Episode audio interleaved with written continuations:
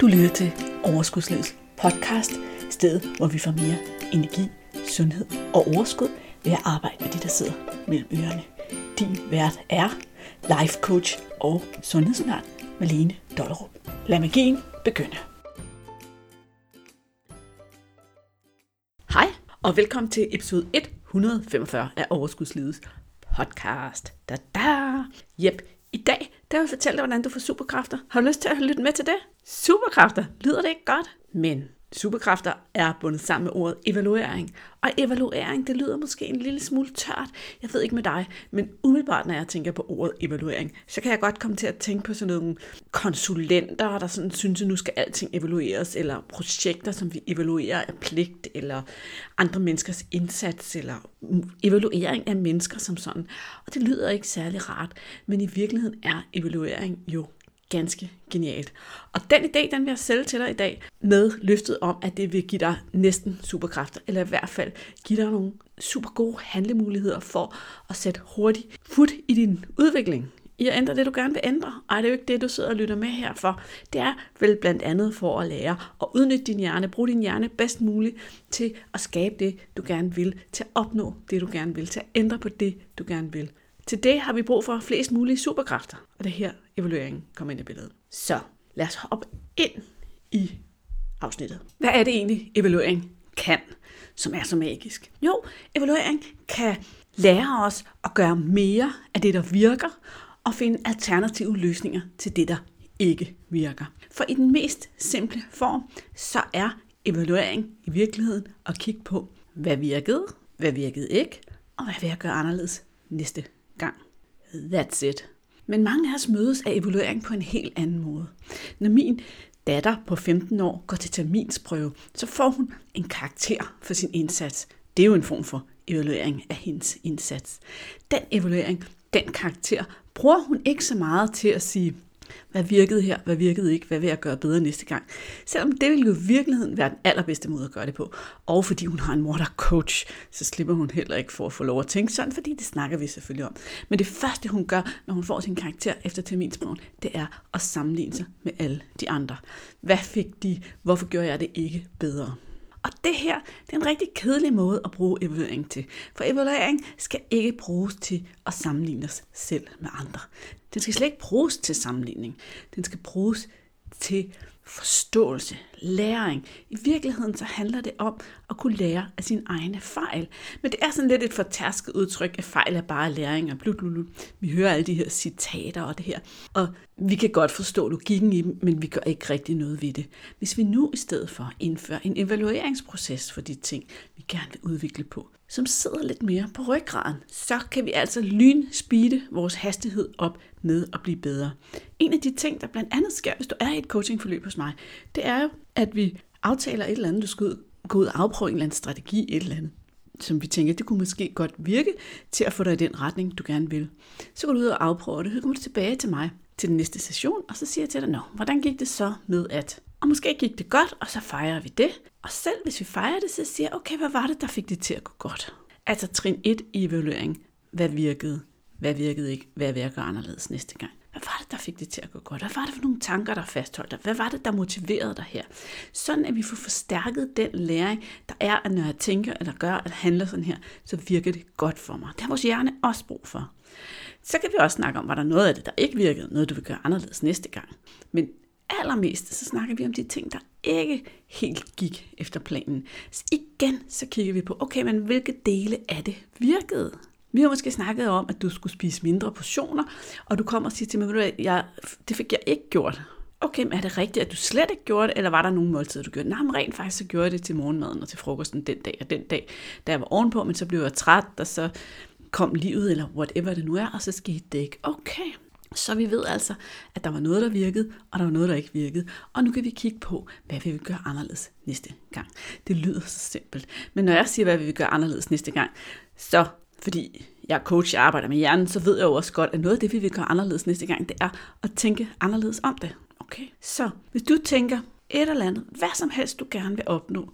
Nu vil jeg gerne tabe et kilo inden ugen er om. Så når, du, når ugen er slut, så handler det om, at du kigger på, okay, hvilket resultat fik jeg her? Hvad virkede, hvad virkede ikke, hvad vil jeg gøre anderledes i næste uge, hvis jeg gerne vil tabe et kilo mere i næste uge, eller jeg rent faktisk vil komme dertil, hvor jeg har tabt et kilo i næste uge. Og når vi snakker om, hvad vil jeg gøre anderledes, så er det klart, at det gælder også om at finde ud af, hvad der rent faktisk er realistisk at gøre anderledes. Fordi hvis jeg i den her uge sagde, at jeg vil tabe et kilo til om en uge, og det vil jeg gøre ved overhovedet ikke at spise sukker, og ikke at drikke vin, og ikke at gøre noget som helst usundt, og ikke spise noget af det her usund mad. Og det viste sig, at det gjorde jeg faktisk næsten dagligt alligevel. Så er det en dårlig plan at sige, så vil jeg bare være endnu mere streng med mig selv, og skælde mig selv endnu mere ud, hvis det sker. Fordi der gælder det om at have den der basisforståelse af, at jo strengere vi er ved os selv, jo grimmere vi taler til os selv, jo grimmere vi tænker, jo dårligere følelser skaber vi, og jo sværere har vi ved at gøre noget som helst af det, vi sætter os for. Det de fleste af os gør, når vi når til enden af den uge, hvor vi havde sat os et mål, det er, at hvis vi ikke har nået vores mål, så skynder vi os at stikke hovedet i sandet og glemme alt om det og fokusere på noget andet. Og hvis vi har nået vores mål, så skynder vi os også bare videre og siger, okay, det gør jeg lige en gang til. Det er ikke nok det her. Vi skal videre. Vi skal gøre det igen. Kom så. Så vi går glip af den læring, der ligger ved ikke at stoppe op og bruge et par minutter på og evaluere vores indsats. Og derved så går vores udvikling i sidste ende meget langsommere. Giver det mening, når jeg siger det sådan? Fordi det, jeg siger til dig er, at uanset om det, du kom i mål eller ej, så er det interessant at vide, hvad virkede? Hvad virkede ikke? Hvad vil jeg gøre anderledes næste gang? Fordi, hvad virkede? Det er jo det, jeg skal have mere på banen af. Hvad virkede ikke? Det skal jeg have mindre på banen af. Hvad vil jeg gøre anderledes? Ja, i hvert fald ændre på nogle af de ting, der ikke virkede. Og når vi lærer af vores fejl på den måde, så skruer vi altså hastigheden op med, hvor med vi kan få ting til at ske, hvor med vi kan udvikle os. Og især hvis du har mål eller ambitioner om at få ting til at ske, som er svært for dig, så er den her proces rigtig interessant, fordi den kan få dig tættere og tættere og tættere på målet skridt for skridt.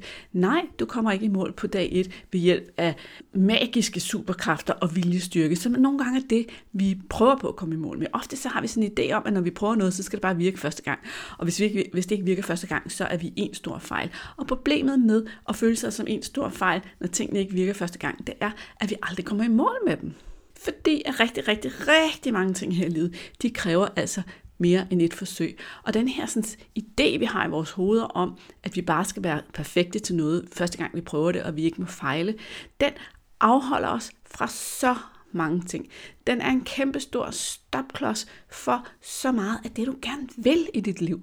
Fordi hvis frygten for at fejle holder dig tilbage fra at prøve, så opnår du ingenting andet end garanti for at fejle, forstået på den måde, at du har jo ikke fået det til at ske. Det gentager jeg lige for dig. Prøv lige at lade det her synke ind. Hvis frygten for at fejle gør, at du afholder dig fra overhovedet at prøve på at opnå det, du gerne vil, så har du sikret dig 100% chance for at fejle, fordi så er du nemlig helt sikker på, at du ikke har opnået det. Hvis du gerne vil på date med en dejlig fyr, men frygten for, at han siger nej for dig til at lade være at spørge, så er du 100% sikker på at ikke at komme på date med den her dejlige fyr. Hvis du gerne vil bede om en lønforhøjelse, men synes det er pinligt og er bange for at blive afvist eller få en forklaring på, hvorfor du ikke er god nok til at få den her lønforhøjelse, så du lader være at spørge, så er du 100% sikker på ikke at få den her lønforhøjelse. Hvis du gerne vil lære noget, du gerne vil i gang med at løbe, eller du gerne vil lære noget på arbejdet, eller du gerne vil på en eller anden måde udvikle dig, men du er bange for ikke at være perfekt til det første gang du gør det, så du lader være, så er du 100% sikker på, at du aldrig bliver bedre til det. Okay?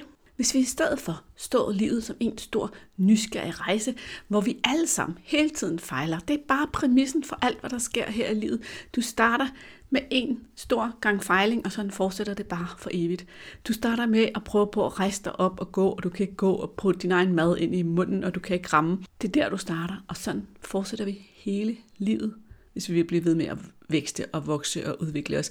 Hvis vi ikke bare vil gå i stå et eller andet sted i 40'erne, 50'erne, 60'erne, hvor vi bliver bange for, vi bliver så bange for at fejle, og vi har udviklet så mange strategier for ikke at fejle, at vi sidder helt stille i vores liv og ikke får ting til at ske, men bare resonerer og læner os tilbage, så bliver vi nødt til at omfejle, omfavne, at det bedste, vi kan gøre, det er at give os selv lov at fejle og lære af det, og evaluere, hvad vi gør. Det er derfor, jeg siger til dig, at evaluering giver superkræfter, for det giver dig syv mileståler på, når du skal i mål med noget som helst. Lad os tage hul på nogle eksempler. Jeg havde en klient her den anden dag, jeg snakkede med, og hun havde brug for at få spist nogle flere grøntsager. Ikke bare, af vægttabsmæssige årsager, eller fordi hun havde brug for mere energi, men også af nogle meget personlige sundheds helbredsmæssige årsager, så var det utrolig vigtigt for hende, at der kom noget mere grønt ind i kosten.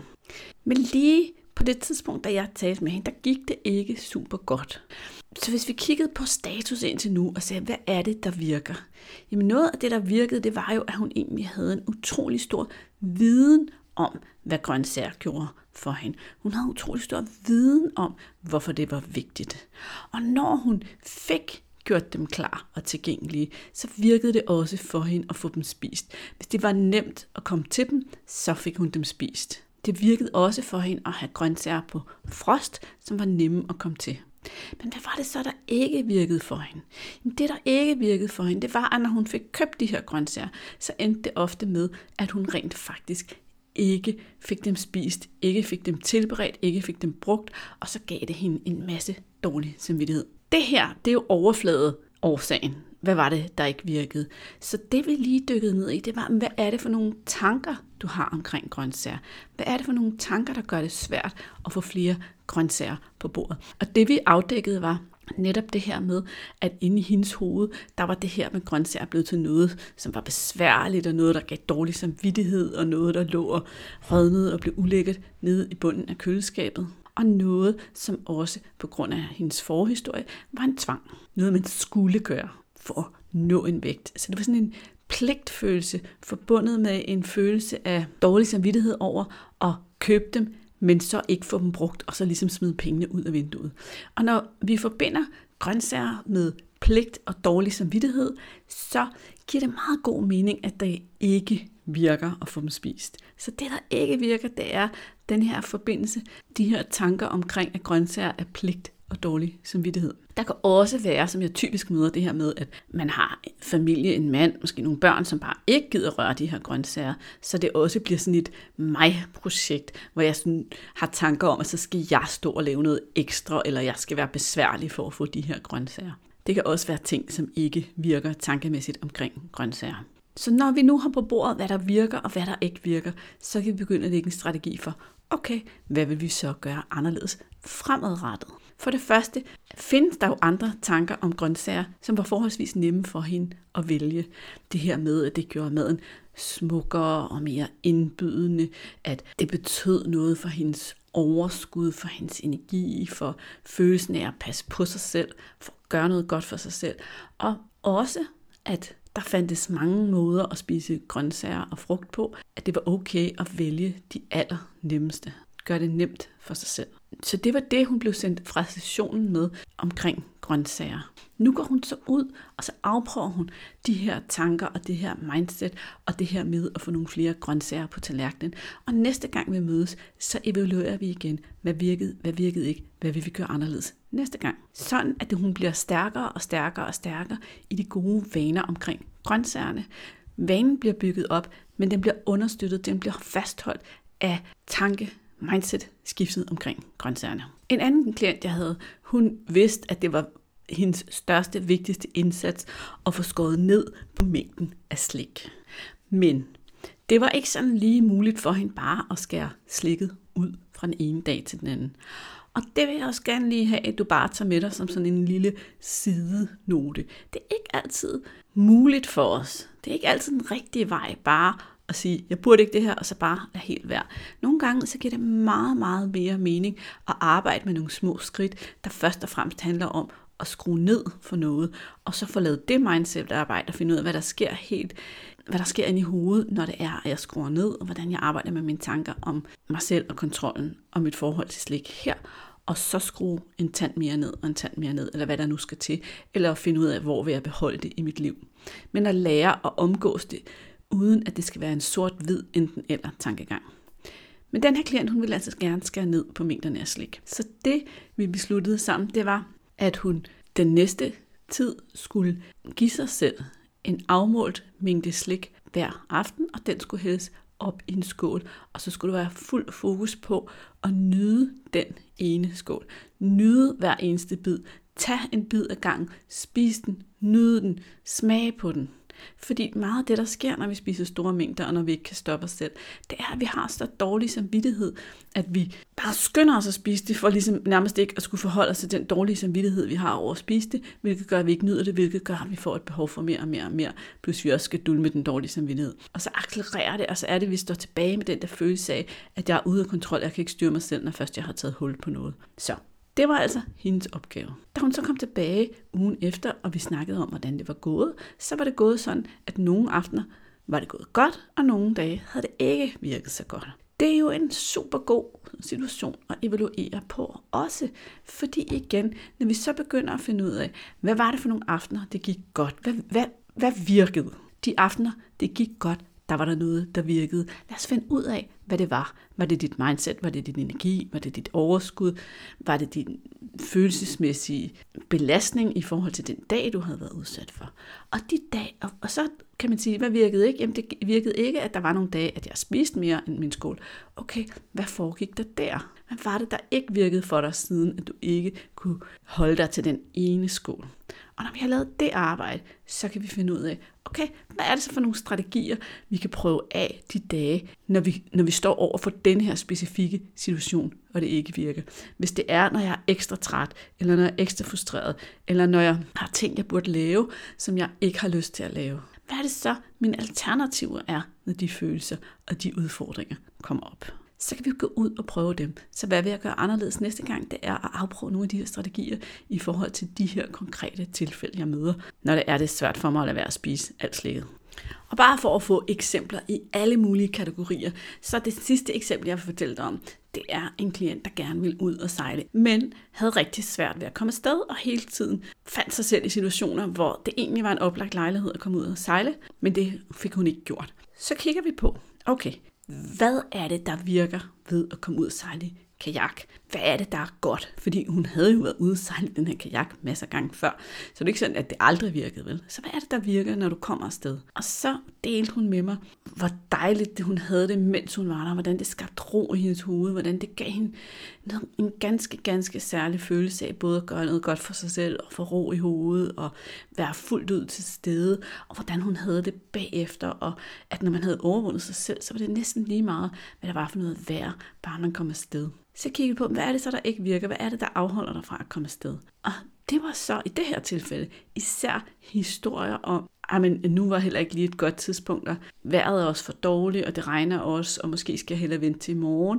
Og vi ved alle sammen, når vi siger, at vi skal vente til i morgen, så kommer det sikkert ikke til at ske. Ikke? Indrøm det bare, det er ikke kun mig, der har det sådan. Og det her med at være for træt og ikke have tid, og ah, jamen, der er også nogle andre ting, jeg skal nå. Måske også lidt dårlig samvittighed af at stikke af for familien og alt det her. Okay, så hvad vil vi gøre anderledes, hvis vi gerne vil have dig mere ud i den kajak? Jamen for det første, så skal vi selvfølgelig udfordre de tanker. Hvad vil du gøre, hvis det er, at det regnvejr udenfor? Hvad vil du sige til dig selv? Hvad er det for nogle spilleregler, du så vil sætte op? Noget af det, som den her klient kom frem til, det var jo netop også det her med at sige, det skal godt være, at jeg kun skal afsted i kortere tid, men afsted, det skal jeg, fordi det er så vigtigt for mig. Og en anden ting, vi også gjorde i den her situation, det var, at vi, vi sammen lavede en visualisering af, hvordan hun sad ude i vandet, hvordan det var at være der, hvad var der for nogle følelser, hvad var der for nogle tanker, hvad var der for nogle helt øh, sensoriske oplevelser, det gav at sidde deroppe, og hvad var det, hun tænkte om sig selv, og hvad var det, hun sagde til sig selv, når hun var færdig med sejlturen og kom op igen. Sådan at hendes bevidste hjerne rent faktisk havde oplevet det ske, inden hun overhovedet fik det til at ske. Fordi så er vi også mere villige til at stille spørgsmålstegn med vores automattanker, når de kommer og siger, at det regner også lidt for meget, eller det er også lidt for blæsende, eller det er også lidt for bla bla bla, hvad vi nu fyrer af. Så hvis vi skal sige det højt til andre mennesker, så kan vi godt høre, ah, det lyder lidt tamt. Men når det bare foregår ind i vores hoved, så er det utroligt så mange ting, vi kan tro på. Det er utroligt så meget crap, vi kan fyre af for os selv og tro på det. Og det siger jeg ikke, for at du skal kritisere dig selv, eller skille dig selv ud for at tro på de her tanker. Jeg går ind for, at vi er nysgerrige, vi har kærlig nysgerrighed omkring, hvad der sker i vores hoved, og tænker, nå, det var da pusseløjeligt, jeg hoppede på den.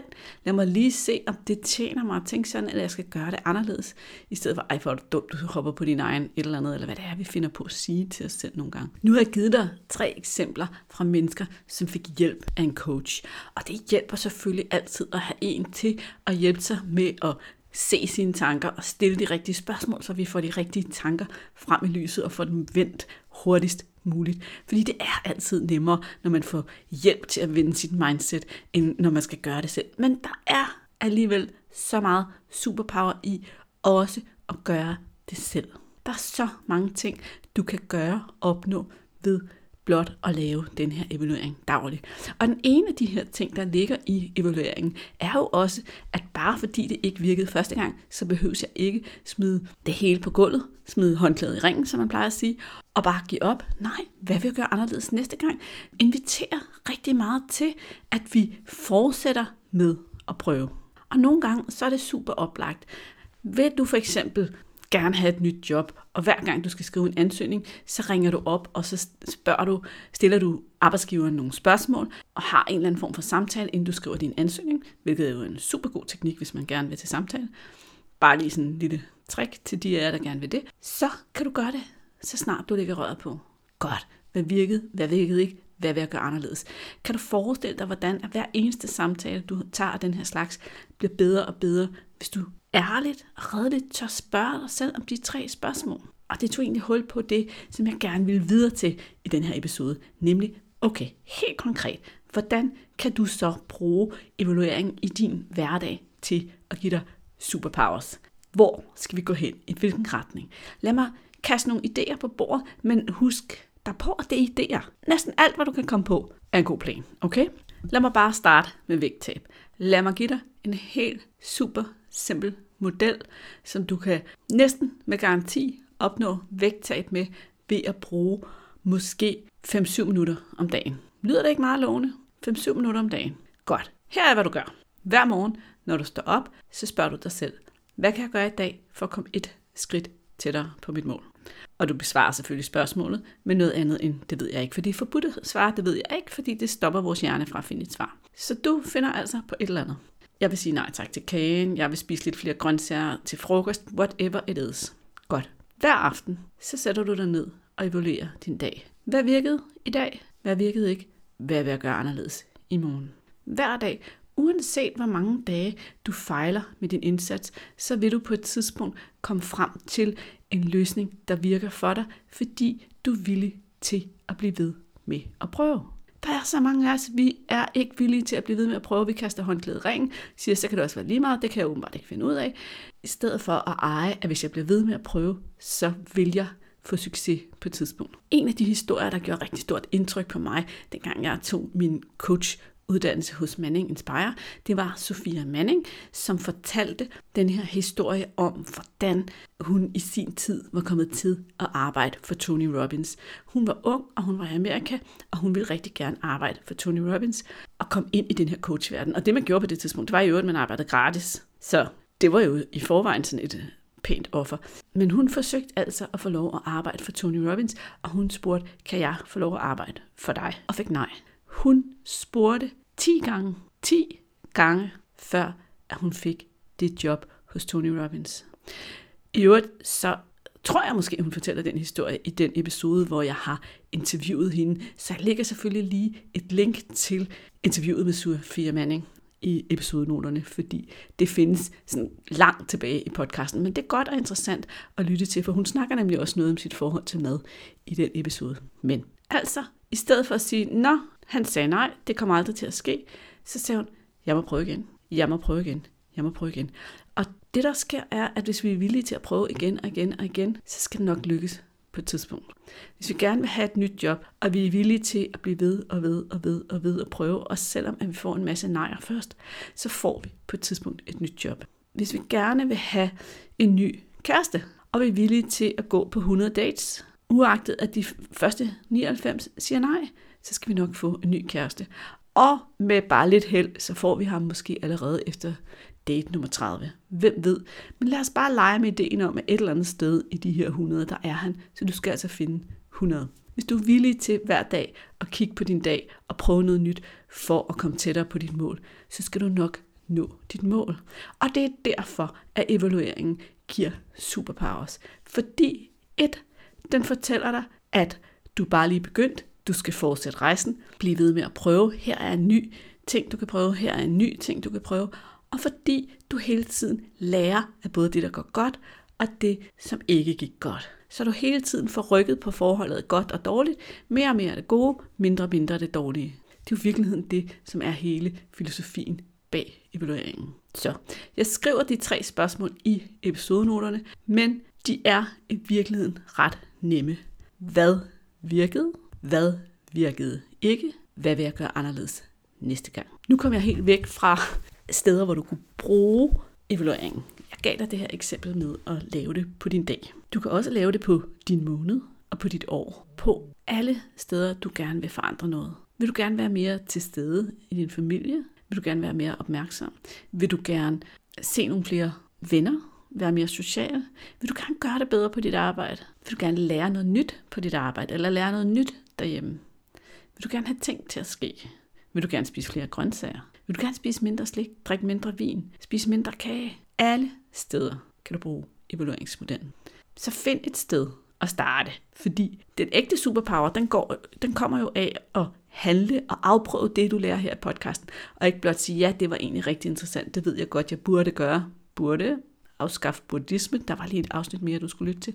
Burde, det er bare dårlig samvittighed, som vi ikke kan bruge til noget. Enten så vælger jeg at gøre det fordi, eller også vælger jeg at lade være at gøre det fordi. Så vær ærlig omkring det. Aftal med dig selv, vælger du at afprøve det her? Og hvorfor gør du det? Kan du lide din grund? Vælger du at sige ja, ja, og lade det ligge? Hvorfor gør du det, og kan du lide din grund? Så nu er her.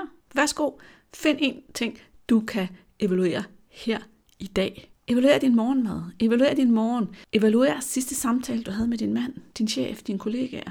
Bare prøv det af. Evaluer den mail, du lige har sendt. Den samtale, du havde med din sidste kontakt på arbejdet. Eller den rapport, du lige har skrevet. Whatever du laver, prøv det af. Inden jeg sender dig videre ud i verden og lytter til alle de andres podcast, så har jeg lyst til at sige til dig, at hvis du gerne vil accelerere din evne til at have superkræfter, hvis du gerne vil hjælpes til den her proces, så har jeg lige nu åben for en-til-en klienter til en-til-en coaching. Og jeg vil elske at hjælpe dig med at skabe din egen superpower til at nå de mål, du gerne vil i dit liv. Igen kræver det lidt handling, hvis du vil have det her til at ske. Det første, jeg vil, det er, at jeg vil invitere dig til en gratis afklaringssamtale. Det, der kommer til at ske på den samtale, det er, at vi to sammen dykker ned i præcis, hvad det er, du gerne vil opnå? Hvor er det, du gerne vil hen med dit liv? Hvordan kunne du godt tænke dig, at din fremtid ser ud? Hvad vil du have mere af? Hvad vil du have mindre af? Hvad generer dig allermest? Hvad frustrerer dig allermest? Og så dykker vi ned i, hvad er det, der står i vejen for, at du ikke har det sådan lige nu? Hvad er det, der skal til for at ændre på det? Og hvad er det, der kan gøre det muligt for dig at nå derhen? Det er jo super vigtigt at både tro på, at det kan lade sig gøre, og vide, hvad det er, der skal til for når nå derhen. Og det er altså det, du får ud af den her sådan, afklaringssamtale. Hvis jeg så i sidste ende tror, jeg kan hjælpe dig, så vil jeg selvfølgelig sige det. Og hvis jeg tror, jeg ikke kan hjælpe dig, så vil jeg også sige det. Og ved jeg, kender jeg til nogen som helst andre, som kunne være potentielle til at hjælpe dig, så vil jeg selvfølgelig henvise dig, sådan at uanset hvad, så får du noget godt og værdifuldt med dig fra den her samtale, nemlig viden om præcis, hvad det er, som der står i vejen, og hvad det er, der skal gøres ved det, sådan at du kan ændre din fremtid, så du kan begynde at arbejde med dine superpowers. Det du gør, det er, at du går ind på overskudslivet.dk-ansøg, og så udfylder du lige sådan en lille Google-spørgeskema af det, som lander direkte i min indbakke, og så skriver jeg til dig, med et par forslag til, hvornår vi skal snakke sammen. Så laver vi en aftale, og så går vi på telefonen, og du skal egentlig ikke forberede noget som helst. Så det er alt sammen meget hyggeligt og meget afslappet, og bare mig, der sidder i den anden ende, som du sikkert allerede har hørt nogle timer på, hvis du har lyttet til podcasten et stykke tid.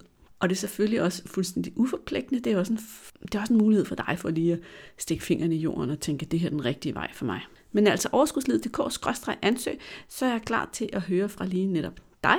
Jeg har lige nu tre ledige pladser til en til en. Så der er sådan lidt begrænsning på, men det skal du ikke lade dig hindre af. Bare skriv dig op, hvis det er nu, du er klar til at skabe forandring.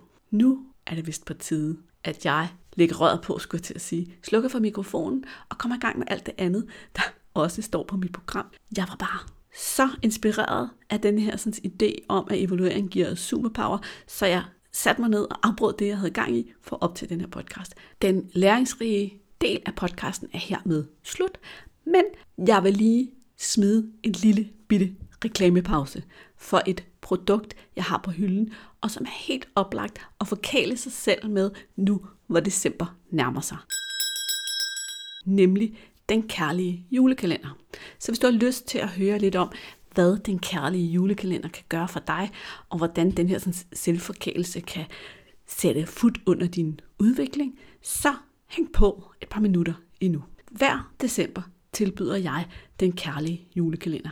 Den består af, at du hver dag får en mail fra mig med en eller anden form for en selvkærlig øvelse. Det tager ikke ret lang tid at lave. De fleste af dem kan laves på ganske få minutter. Nogle af dem vil udfordre dig meget, nogle af dem vil ikke udfordre dig så meget, men bare være noget, du laver og siger, wow, det var jeg god til, klapper dig selv på skulderen. Det, der sker, når du begynder at arbejde med at have fokus på at holde af dig selv, og være kærlig mod dig selv, og være god mod dig selv, det er, at det bliver nemmere at passe på dig.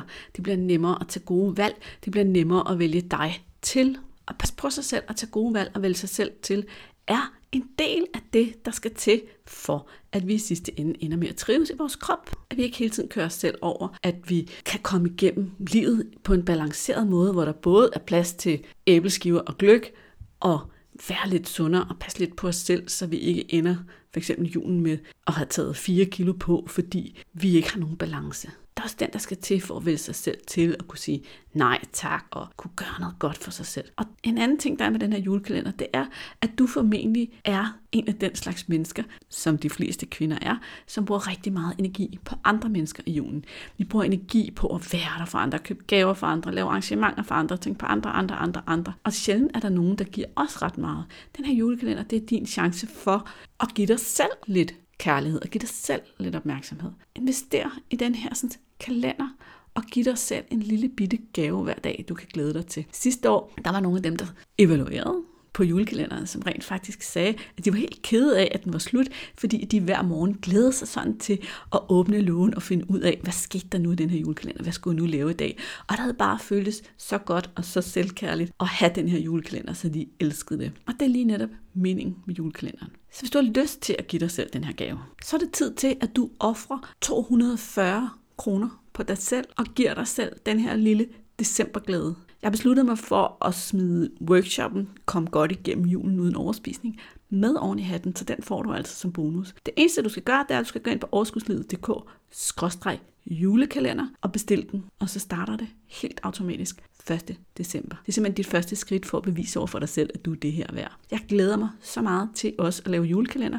sammen med dig i december. Det er altid en kæmpe kærlighedsfest. Det var slut på reklamepausen. Kan du have det noget så godt, til vi snakkes ved igen i næste uge. Hej hej. Hey, inden du løber, glem ikke at abonnere på podcasten, så du ikke går glip af en eneste episode. Og skulle du have fingre i den gratis videotræningsserie Vægtab med din hjerne, så smut ind på overskudslivet.dk videoserie, så lander den første video i din indbakke i dag.